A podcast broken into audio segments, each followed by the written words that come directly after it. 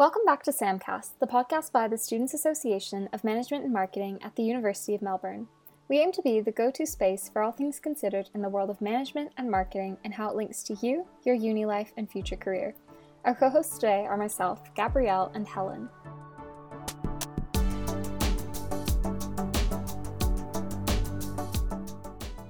In this episode, we'll be breaking down the marketing major. It might look a bit confusing at first, but today we'll delve into it and make sure it's easy for you to understand. So, firstly, we'll be looking at how the major will be structured. Then, we'll go through some of the core subjects you'll be taking, like principles of marketing and business judgment. Finally, we'll give you a taste of some of the cool level 3s you might choose to take later on down the track. Joining us today are a few members of the academic staff here at the University of Melbourne to give you some insight into how your marketing major might look. So, we thought it would be great to start off by having Andre come in to talk to us about what exactly has changed and how it will affect you. So, Andre, could you please introduce yourself? My name's Andre Sammartino. I'm an associate professor in the Department of Management and Marketing, and I'm the deputy head of uh, responsible for teaching and learning. So, yeah, I have to guide these things through our processes. Andre, could I ask you to maybe describe how exactly the marketing major is structured at the University yeah, of Melbourne? Not a problem. So, the marketing major is designed very much as an inverted pyramid. Uh, most students do principles of marketing in first year, and that is a prerequisite to a number of the other subjects. Uh, the idea there again is very much around what are the underlying basic concepts and contexts for marketing. So, you know, what is the marketing problem? What are some of the, the tools that marketers use? What are some of the decisions they have to make? So that's very much first year. In second year, it's then about building upon those foundational concepts. And so across the various second year subjects, you get exposed to consumer behavior, for example. So delving deeply into what do we mean by a consumer? What do we know at a psychological level about the nature of consumption and so forth? Likewise, in other subjects, what, what does it mean to innovate a product?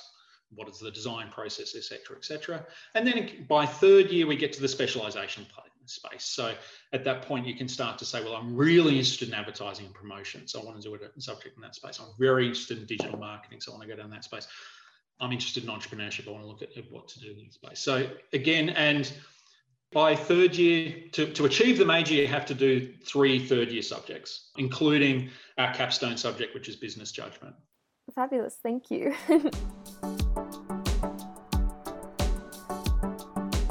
So I guess now we'll have Andre maybe talk to us a bit about what this capstone subject is that we keep talking about business judgment. This is a compulsory subject for all students undertaking either the marketing or management major. So maybe you could give us like a bit of an overview of what exactly you're learning and like subject content. So a capstone subject, just to get a sense of what I mean by a capstone subject, this is a terminology that gets used educationally. And most programs in the university have a capstone. And when you get into our master's programs, for example, there's a requirement that there be one. They can do various things, but in this instance, business judgment is what we call an integrative capstone. So the idea is that it's an opportunity for students to synthesize tools and concepts from across their study. In this instance, from across the majors and, in, and the BCom more generally. So we're aware that students will have done past two years of the BCom as well. So we're aware of what, what tools come from those domains. And in business judgment, it's very much about focusing students' attention on solving problems, not in the sense of problems that have a known solution, but rather making judgments about key issues. So whether those issues are a marketing choice, so what product should we launch? Or what price should we engage in, or where should we place this product, or how should we change a product, or a management decision about opening up new markets, or changing a work structure, changing an organizational structure. So, any one of those sorts of decisions. So, the, the subject is very much thinking about what tools do you need, and what tools do you already have? Because mm. there's a danger in both of our majors. You're building up this arsenal, but you're not really sure what they're all for. So it's saying, well, what, why have we got all these tools? What, what do we use a five forces framework for? What's it really there for? So the subject reminds students of the tools because students won't have done every subject. So we remind students of lots of the tools. And we do introduce some decision making scaffolding. So right. thinking about decision steps and thinking about uh, how do you critically assess what you're doing as you go.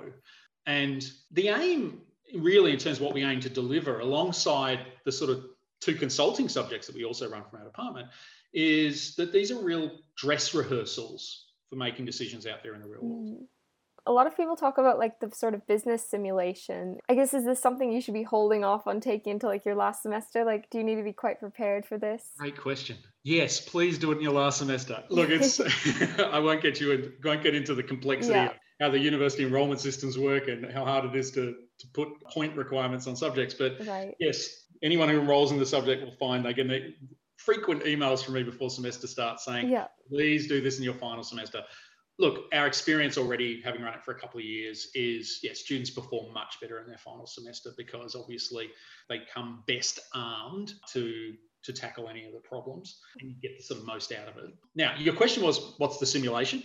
I can tell you about this. So we use a simulation, and it's sort of it's not quite half the assessment, but it's sort of half of the work, if you will, for the subject, which is a business strategy simulation. So you and a team are trying to build competitive advantages over rival teams through your product design, through your marketing efforts, through your production scheduling, your pricing, your financing, etc. And very much catches the integrative aspect of the decisions you will be making in the real mm. world because they're very interrelated decisions and there are big trade-offs involved in making one decision versus another. And there's high levels of uncertainty created by the competitive environment. So you're competing against five other firms you start out identical and you you evolve away yeah. from each other because of your decisions. We run six years of competition, so each set of decisions is a year. And so students get a strong sense of the competitive dynamics mm. and the learning process and the flow on effects from decisions and how decision making changes over time as you make the same decisions again and again. And that in, in itself is an important yeah. thing to understand that there's both huge learning gains, but also some, some bias issues that, that emerge as you try and make the same decision again and yeah, again. truly. Uh, students complain that it's a lot of work. Yeah. But students usually throw themselves into it and learn a great deal from it. Yeah, no, a lot of my friends were saying it was probably the most enjoyable part of the subject, just getting like that real world exposure, I guess. So it's great to hear from you the sort of skills that you're gaining from it. Did I miss any important aspects of business judgment that I maybe didn't cover with my questions? Uh, probably, I guess the other side of it. So I wouldn't want students to think we just do the simulation. So we do yeah. the simulation first. In the second half of the semester, we sort of flip that around quite a lot, and the same teams then get involved in thinking about real life decisions, real life solutions for firms. So we've done it different ways from semester to semester, and I must admit we haven't yet decided what we're doing for Fair 2021. Enough. We take it, well, I can tell you we do it fairly last minute to the extent that both in semester one 2020, the students did it on COVID. Not surprising. Right. How are various industries going to deal with this? We thought maybe the second semester we wouldn't be doing COVID, but I guess we did again. Um, so hopefully we're, uh, we'll do something a little bit less pandemic related. But that's very much designed around much more creativity, much more of a choose your own adventure scenario where teams can really go off and explore. And we allow students to be much more specialized as well. So if a team is really keen on doing a marketing solution, then we're really happy to see that. If they're really interested in doing a supply chain solution, they can go and do that or human resource management. So yeah, that's the other side of it. Yeah, that's something I hadn't even thought of, but it's a good point. Excellent. Great. Fabulous. Well, thank you so much, Andre. We really appreciate you coming on the podcast, taking your time of the day to do that. The insights were fantastic. So, thank you so much. I'm looking forward to my experiences with business judgment in the future.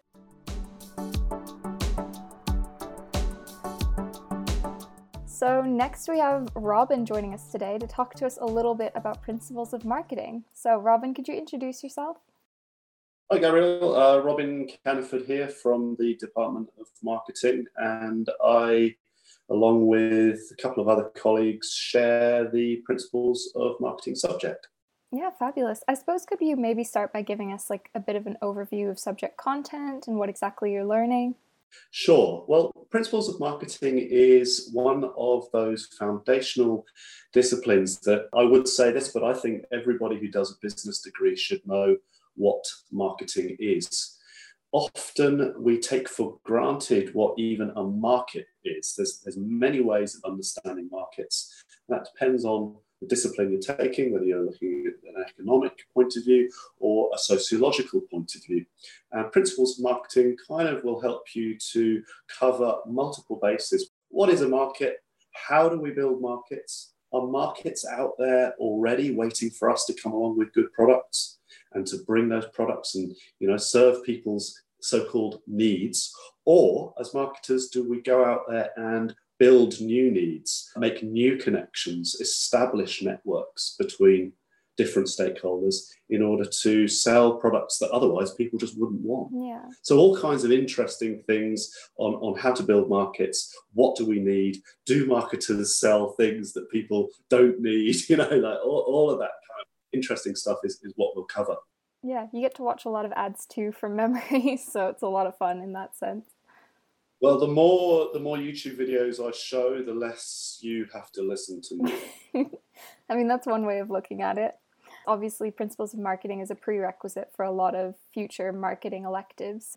How do the skills that you learn in Principles sort of help you out with later marketing subjects that you take? Well, look, I think principles, in addition to hopefully raising some of these, if you like, more sort of philosophical questions around what is a market and what do marketers do. On a very serious note, principles will allow you to engage with key concepts that you really it's going to make life much easier when you're doing a subject let's say like consumer behavior if you took consumer behavior. If you don't know what market segmentation and targeting is you're you're going to be behind the curve vis-a-vis the rest of the students. So very important to understand some of these key foundational concepts and ideas in marketing theory. And in addition to, to being useful to get you over the hurdle in terms of prerequisites, like I don't think you can do you know many subjects without having taken principles. But even in the workplace, these ideas like market segmentation, targeting, positioning, brand value, brand personality. This is the lingua franca, you know, the regular ideas that if you're working, whether you're working with KPMG or if you're going into a startup, this is the, this is the work that they do. Yeah, so it's very much like that real world experience that you're getting there. I hope so. I mean, Melbourne University comes in for a bit of a hard time with, you know, what why is there so much theory? And I always say to students, if you take the subject, you'll hear this again. But theory is really important because theory teaches you how to make up new ways of doing marketing. We're not just teaching best practice now because it, when you get your degree and go into the workplace, that's going to be out of date. So we're teaching you how to come up with creative ideas for how to do marketing in interesting ways that consumers might find appealing and you know maybe even that can extend more ethical and value-based principles in the marketplace. Yeah, so I guess theory is one of those important things, but what would you say are like the real highlights of the subject for students? I know that you work on cases, you get to watch a lot of ads. Are there things that students tend to enjoy more than others? Um, highlights. I, I, it's been a long time since I, I did my degree, and I, I did a, psychology degree anyway. So I'm, I'm not sure I could say. You'd probably be able to tell me what were the, what were the highlights for you. I mean, you were closer to. Them. I think I kind of enjoyed working with an actual sort of brief for the first time. Like when I was taking the subject, it was Harley Davidson motorcycles, and that was the first time I'd actually tried marketing a real product. So I really enjoyed going through that and working on branding and whatnot. So I think for me, that was probably the most important experience that I got and also the most interesting experience that I got. I think the year before me, it was Nutella, and they seemed to love that. So I think just speaking to my friends, that was probably the most fun. I'm really glad you enjoyed that. So okay, that makes good sense to me. I, we, I will I will note that. yeah, no, it's great, especially because later on you do like all the other marketing electives. Like I just did advertising and promotions, and they just add even more like layers to it. So I think principles is a great start for getting used to working on actual cases and stuff. Yeah, I th- and I think that's what is intended. And as you say, as you go through your university career, layers get added. But what I would say, you know, having taken students to Hong Kong for the global consulting projects and where you get to sit with a team of real marketers doing, you know, real world projects, they are still using some of these tools and techniques that we will teach you to apply very early on. It's an interesting and a relevant subject, I hope. Yeah, I was going to say, it's funny you mentioned that. I'm actually doing global management consulting at the moment. So it's like we are using a lot of those segmentation and like those basic like buyer value proposition tools that you learn in principles. So definitely important information. Great. Finally, we'd be curious like, if you're someone who isn't interested in doing the marketing major, would you still recommend taking this subject as like a breadth or elective? Well, there's two answers to that. Um, the first one is yes. For me, marketing is about building networks between different stakeholders. They might be other businesses, they might be consumers, they might be groups of consumers. And the techniques of building those networks involve understanding what people want, what motivates people, how people trust you enough to, to establish those links. Now, that, that is the, a fundamental necessity for almost all businesses, unless you're operating in some kind of weird monopoly, like selling maybe COVID vaccines yeah. or, or, even a monopoly, but it's a different kind of market. For mm-hmm. most of us, we need to know these techniques, whether you're an accountant, whether you're a chief financial officer, whether, whether you're a CEO, if you don't know something about marketing, you're not putting yourself in the in the best position for your career. And a basic knowledge of marketing is useful under those terms. My second answer would be if you're not that interested, go and study history or, some, or, or, some useful breadth, you know, yeah. something to really challenge yourself and, and step outside of your comfort zone. That would be my, if I had yeah. my university time again, that's what I'd do. Well, thank you so much, Robin. We really appreciate you coming on. It's my pleasure, Gabrielle. Take it easy.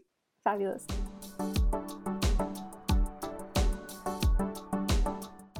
So, in this next segment, we'll be looking at a few interesting marketing level 3 subjects that you can take to complete your marketing major. So, joining us first is Michal, who will be discussing retailing. So, thank you so much for joining us. Thanks, Gabrielle. My name is Michal Carrington, and I'm a senior lecturer here in the Department of Management and Marketing, and I teach retail. And I guess my background is actually a corporate background. So I worked for Unilever for about 10 years. And when I worked for Unilever, I worked across the negotiation desk with from a lot of the really big retailers. So here in Australia, so Coles and Woolies, but also in the UK and worked with retailers like Tesco's and Sainsbury's and, and Boots. So have always worked, I guess, around retail. And so it's just fantastic to be able to now teach retail. Yeah, glad you're taking the subject. That's an amazing background. Students would probably be interested in getting like sort of a general overview of what exactly you're learning in retail the thing about retail, I guess, that's different from a lot of the other courses that you'll do, whether it be in management, marketing, or any other area, is that retail is the interface with the customer. It's the the interaction point between your organization, the product, and the customer themselves coming into your store, or maybe shopping online or shopping in mobile digital world, whatever it might be. And so it's really, I guess, different and exciting because it is about that whole face, that interface with the customer and how we work with customers to ensure that we're meeting but also exceeding their expectations. And one of the really great things about working in retail is the complexity. So when you work in a retail business, you're working with so many different I guess, angles and elements of complexity. You're considering packaging and price, but you're also considering how customers are moving around the store or how they're moving around your website. You're thinking about all different factors, and it's such a complex environment where everything comes together and the customer picks up the product and puts it in their shopping basket. And so, that in itself and that whole level of complexity makes the subject and makes working in retail I guess, a really, really exciting place to be. And so we try and bring a lot of that, I guess, excitement into the and complexity into the subject. And the other thing, I guess, that makes retail really different and really interesting is because it is that point of contact with the customer. It means that there is a lot of innovation going on in the retail mm. space. And so, probably more than anywhere else. So, whether we're talking about how do we maximize the customer journey, how do we maximize customer experience, right through to working with artificial intelligence systems to, to try and, I guess, manipulate what we do to ensure that we are targeting the right customer in the right way. So, there's a lot of innovation that is going on in the retail space, which again we bring into the course and, and it just makes it so interesting. Yeah, that sounds really exciting. Do you think that's what attracts students towards your subject, or what would you consider the most enjoyable parts to be? I think it's twofold. I think, firstly, it, it is that there is so much innovation going on in the retail space, and there's so much happening, and there's so many new things, and it's moving really, really quickly. And I think the other thing that really attracts students to retail is that we are all shoppers. So we shop, it's part of our culture, it's what we do. We shop, we customers, we go into online stores, we go into physical stores. And so as a retail student, you can relate to what you're being taught because you are a shopper, you are a customer. A lot of students have actually worked in retail. So, but what the course does is it kind of pulls back the veil and you get to see behind the scenes and see how that shopping environment is curated and nothing happens by chance. And so you get to really look inside a retailer, understand their strategy, and understand why retailers do what they do. And I guarantee you, once you've done retail, you will never shop the same. You will never be able to go into a retailer online or in a physical store in the same way because you'll be switched on and you're constantly aware of what retailers are doing to try and meet your expectations, but also in a way manipulate your behavior.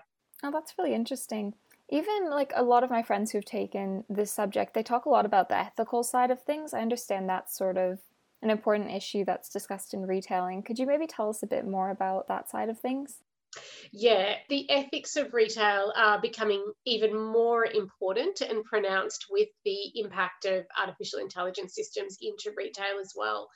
And so when we're talking about retail, we have to be really careful about how we target vulnerable people and vulnerable customers. And so, on one side of retail, when we think about the, I guess, the ethicality of retail, we do spend a bit of time thinking about how customers can be vulnerable and the power that we have as retailers to manipulate customer behavior. And so, I think one of the unveilings that students have when they come and take retail as I mentioned before, we pull back the veil and they get to see what retailers actually do and the strategy behind it. And some of what retailers do might surprise you in terms of the types of data they're collecting on you and you as an individual and how they're profiling you and how they're targeting you specifically using your data and predictive analytics to really, I guess, target and manipulate your behavior. And so I think part of the unveiling and the thing that students find really interesting is understanding what retailers are doing and why they're doing it on that individual level. But the other area of ethics and retail is probably, I guess, the, the more bigger picture side of it, which is more around social and environmental sustainability. Mm. So when you think about fast fashion retailers, for example, like H&M, Topshop, Primark, all of those big global retailers, they've got massive global footprints when it comes to supply chain, when it comes to waste in supply chain, how they treat their workers. And they're really, really impactful in that area. There are some very concerning things that go on in retail supply chains, and we talk about those and we look at those in terms of waste and environmental sustainability. And we also talk about and look at the human side of retail supply chains and the people that, for example, make the clothes in that sweatshop factory and what happens there. So we really look at ethics, as I said, from a micro perspective and understanding how retailers use data to target individual customers and what happens when that customer could be quite vulnerable.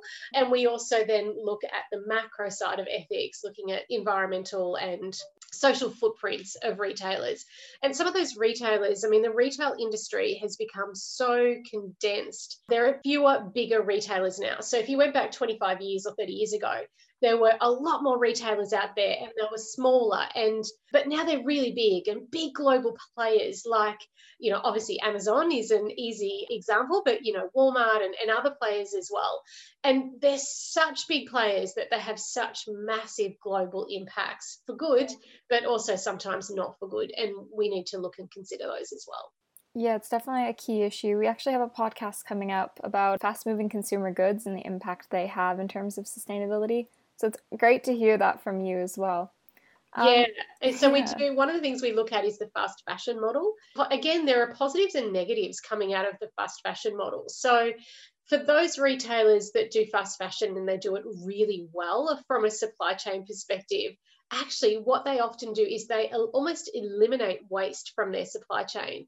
So, because they're not producing clothes that people aren't going to buy, and they're not producing fabric and that is not going to be used and it's going to be, thrown. you know, they're very lean in the way they do things. And so, fast fashion retailers actually can have, not all of them, obviously, but can have a really positive impact in terms of environment waste, environmental waste. But then you look at the human side of fast fashion manufacture, and it's some retailers have a really great record, and other retailers don't. Mm, that's interesting. I wouldn't have even thought about that other side of things, like the waste elimination. How interesting. Mm-hmm. I guess finally, what sort of projects do students get to work on while they're taking retailing? We do two projects, one which is an individual project and one which tends to be a group project. They're always real world situations. So it might be, for example, one of the topics that we look at pretty early on in the semester is omni channel retailing and, and understanding that retailers are very much now moving towards an omni-channel model, which means that you might have big stores, small stores, pop-up stores, but you've also got mobile digital, you've got online, you've got all of these different channels that the customer can come and experience your product or your service in. Perhaps we might do an assignment where students look at a real retailer and go out and have a look at their omni-channel footprint and how well are they doing in the omni-channel space and have they moved into omni-channel retail? And if not why not? So that would be one kind of assignment that you might do. And then the, the major assignment is generally always on a specific retailer that you might choose yourself or you know it might be a specific retailer that everyone's working on. It is a real life situation and generally it's quite strategic. And so you'll be looking maybe at their competitive strategy so you might look at Amazon to try and understand how they're competing in the marketplace and then make a recommendation about how they might launch in the Australian market. Yeah, wow. It sounds like you get so much practical knowledge out of this subject, which yeah. I think what students are always looking for. I think that's why so many people were asking us to get retailing on the podcast. Oh, great. Because, yep. Yeah, it is yep. such an interesting new area. But yes, thank you so much for coming on this episode and telling us a bit more about retailing. It sounds like an amazing subject. So thank you so much for the insights. Oh, thank you so much, Gabrielle. And I really do hope to see some of the, you know, see you guys in my class. It would just be a delight. So thank you. Terrific.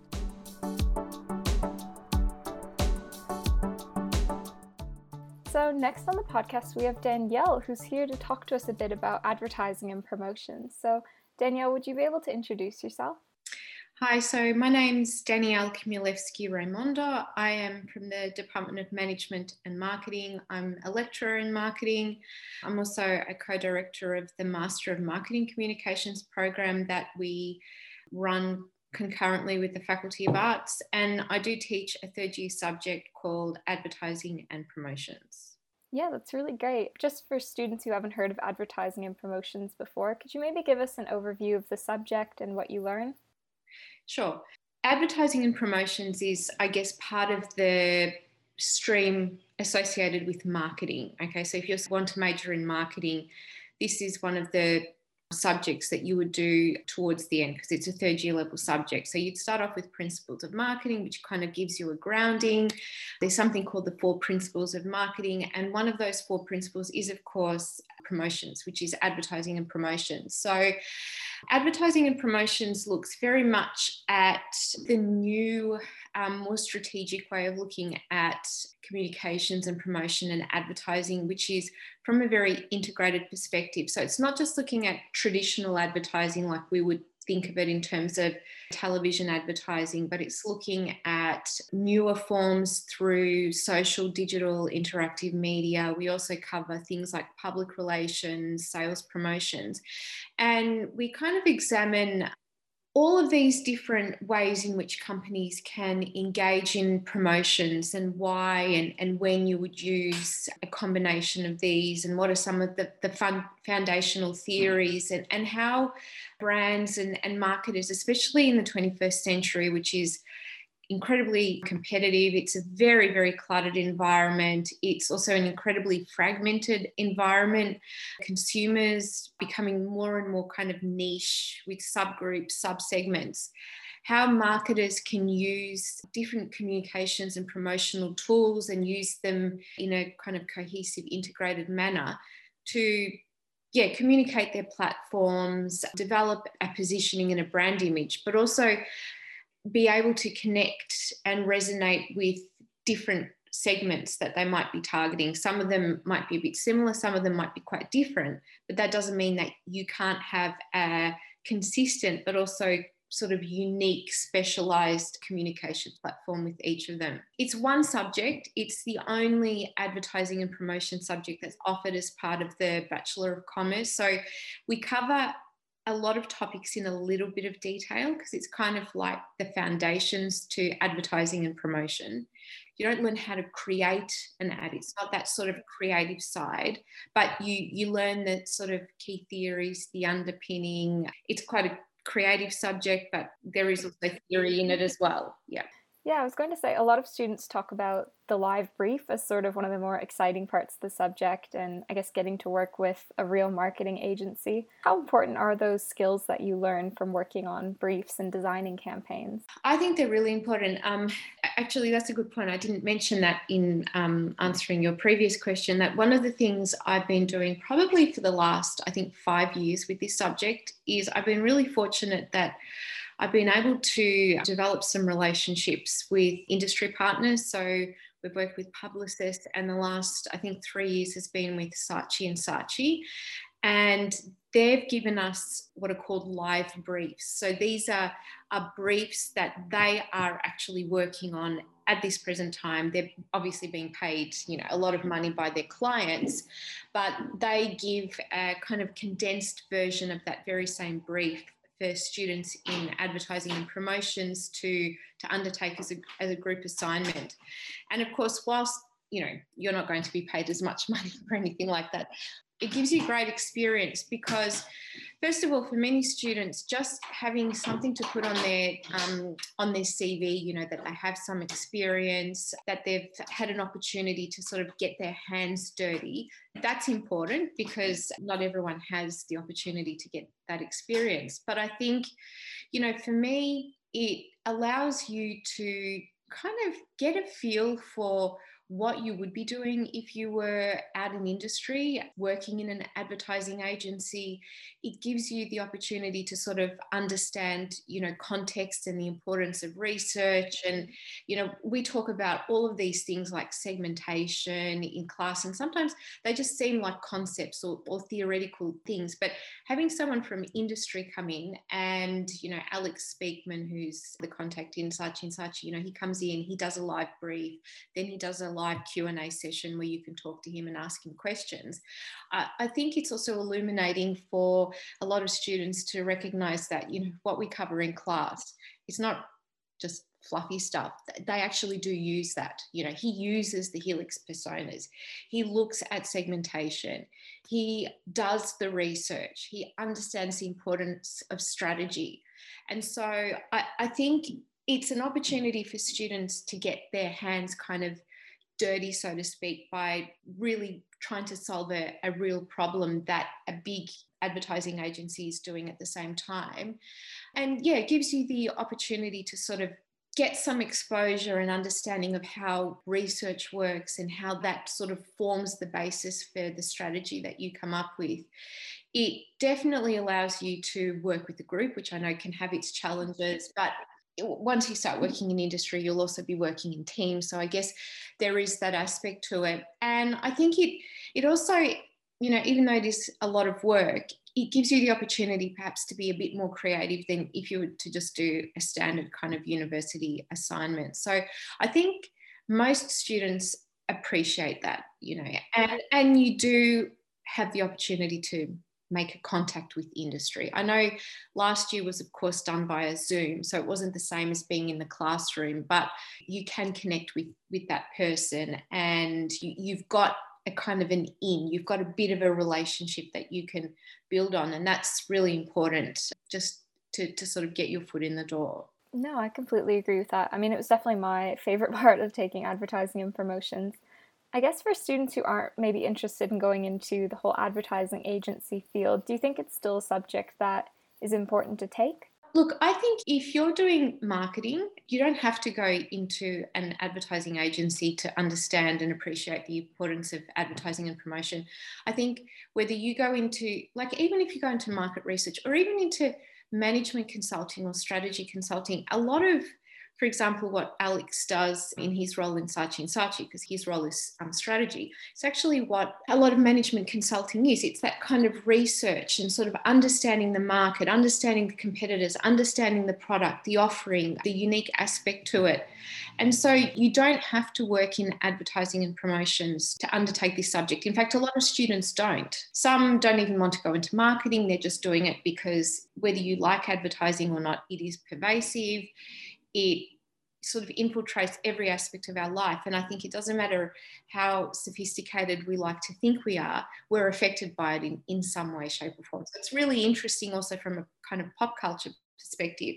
But, you know, a lot of students who do the subject are more interested perhaps in going into consulting or maybe branding or marketing in general, possibly market research. But, you know, advertising and promotions it's an important component of any form of, of marketing, whether you're going to have a big, massive $20 million campaign or a really small niche social media driven campaign, you're still relying on promotions, you're still relying on communications, you're relying on, you know, perhaps influencers, blogs, social media. That's all communications, that's all advertising and promotions. So no, you don't have to want to be an advertising executive to get something out of the subject. Yeah, no, it's interesting. I'm actually doing management consulting like as a subject at the moment.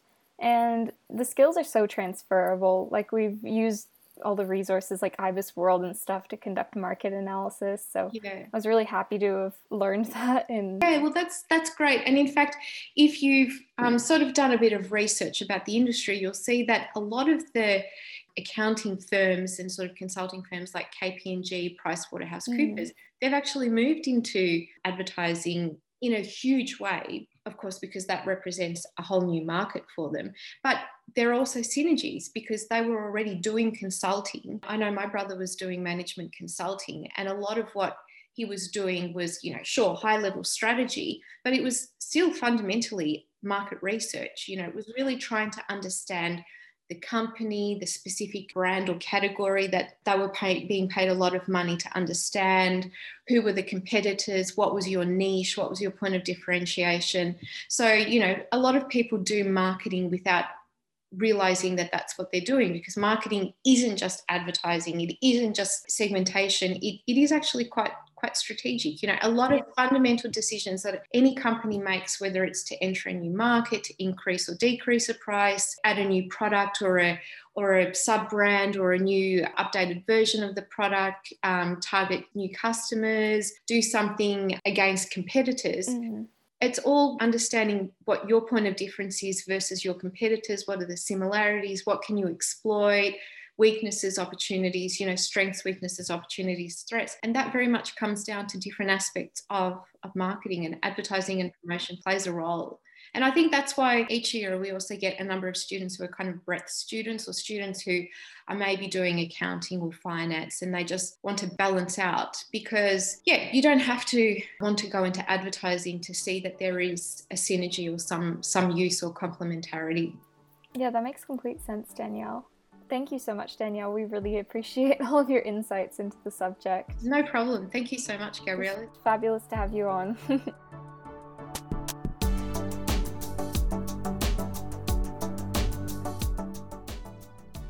Thank you all so much for listening to this episode of Samcast. Stay tuned for future episodes where we delve into other interesting topics in the world of marketing and management.